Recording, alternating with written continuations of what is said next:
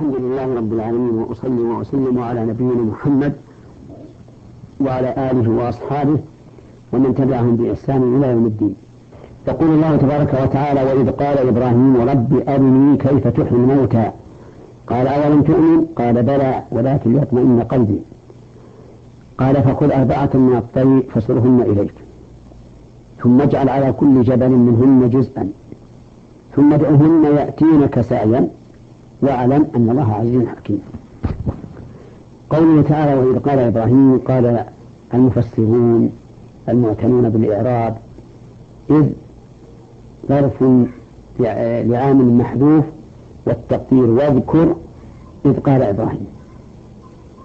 لأن إذ ظرف والظرف لا بد له من متعلق. إبراهيم هو إبراهيم الخليل عليه الصلاة والسلام. إمام الحنفاء وأبو الأنبياء. سأل ربه جل وعلا قال رب أرني كيف تحيي الموتى؟ ليطلع على كيفية إحياء الموتى.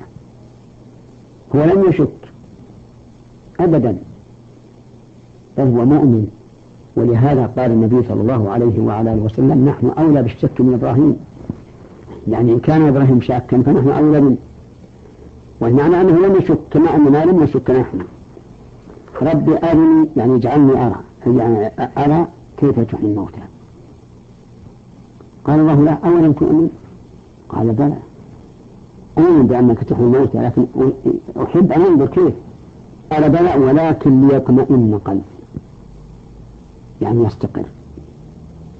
ويعرف كيف كان إحياء الموتى. لأنه ليس الخبر كالمعاينة. لو أن أحدا من أصدق الناس خبرا أخبرك بخبر ولم ترى المخبر به ثم رأيته فلا شك أنه يزداد يقينك. ولهذا جاء في الحديث ليس الخبر كالمعاينة. قال فخذ أربعة من الطير فصرهن إليك ثم اجعل على كل جبل منهن جزءا. يعني اذبحهن وضمن إليك صرهن إليك يعني اضم إليك أجسادهن. واجعل على كل جبل منهن جزءا. جبال حوله أربعة. فعل هذا. فعل هذا عليه الصلاة والسلام. وجعل على كل جبل جزء أربعة. ثم دعاهن قال هلم أو أقبلنا أو ما أشبه ذلك مما يفيد الدعوة. يأتينك سعيا. أتينا إليه يسعين سعيا. ما هو طيرانا سعيا. خلاف ما كان مألوف من الطيور. واعلم أن الله عزيز حكيم. عزيز أي غالب قاهر لكل شيء عز وجل. ولهذا قال الشاعر الجاهلي أين المفر والإله الطالب والأشرم المغلوب ليس الغالب. عزيز أي ذو عزة. بالغة قال العلماء العزة في الأصل الامتناع ومنه أرض عزاز أي قوية تمتنع من تأثير المعاون فيها. فالعزيز هو ذو الامتناع الذي يمتنع عليه النقص والعيب. والذل عز وجل. حكيم مأخوذة من الحكم ومن الحكمة. الحكم هو القضاء بالشيء. والحكمة هي وضع الأشياء في مواضعها. ففي في هذه الآية الكريمة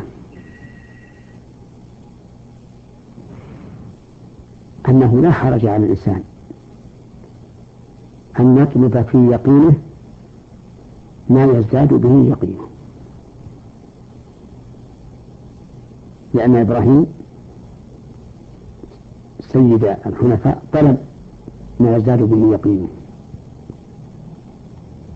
ومن فوائد هذه الآية الكريمة إثبات كلام الله عز وجل. لأن إبراهيم قال قال رب ربي أرني كيف يفتح الموتى. قال الله له ألم أولم تؤمن إلى آخره ففيها نص صريح على أن الله يتكلم في كلام مسموع مفهوم. ولا يكون مفهوما إلا إذا كان بلغة المخاطب وعليه يكون كلام الرب عز وجل بحرف وصوت. وهذا هو الذي عليه أهل السنة والجماعة. وله في ذلك أدلة. ليس هذا موضوع بسطها إذ أنها موجودة في كتب العقائد ولله الحمد. ومن فوائد هذه الآية الكريمة الاستفصال في مقام الاحتمال. يعني إذا سألك سائل سؤالا يحتمل أكثر من معنى. فاستفهم واستفسر ولا تح ولا ولا ولا تحكم على الشيء براهن. إذا كان يحتمل أشياء متعددة. دليل ذلك قوله تعالى لإبراهيم أولم تؤمن؟ يعني أنك مؤمن. كيف تسأل؟ ومن فوائد هذه الآية الكريمة أن أن اليقين يزيد وينقص. لقوله بلى ولكن يطمئن قلبي. وهذا أمر مشاهد. اليقين يزيد وينقص. فلو أخبرك مخبر بشيء وهو ثقة عندك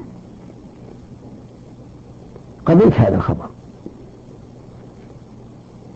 فإذا أخبرك آخر بمثله ازداد قبولك إياه.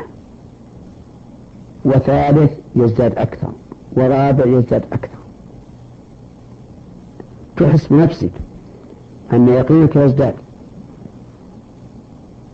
والمشاهدة أقوى سبب لليقين.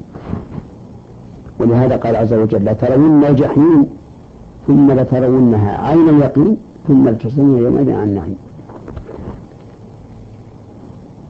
ومن فوائد هذه الآية الكريمة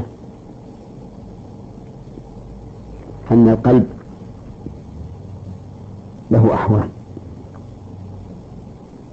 حال استقرار وثبات وحال قلق وشك وحال إنكار. والموفق من كان قلبه مطمئنا.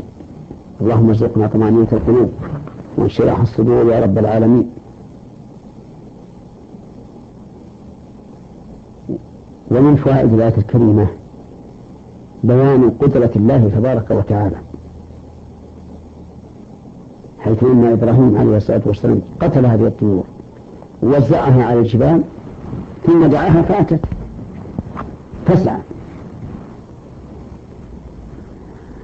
وهذا لا شك أنه دليل على قدرة الله عز وجل وفيه إحياء موتى في هذه الدنيا.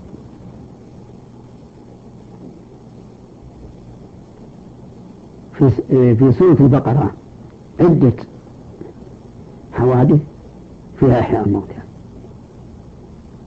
منها قول موسى أخذتهم الصاعقة ثم بعثهم الله من بعد موتهم ومنها صاحب البقرة. ضرب القتيل ببعض البقرة فحي بإذن الله. ومنها قصة الرجل الذي مر على قرية وهي خوتنا على عروشها. ومنها قصة إبراهيم عليه الصلاة والسلام. هنا فإن الله تعالى أحياه الطيور بعد موتها.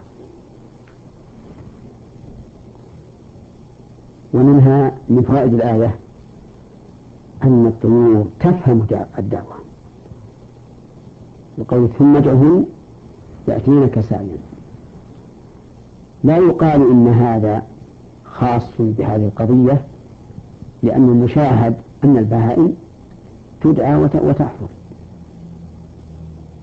كما قال الله تبارك وتعالى ومثل الذين كفروا كمثل الذي ينعق بما لا يسمع إلا دعاء ونداء.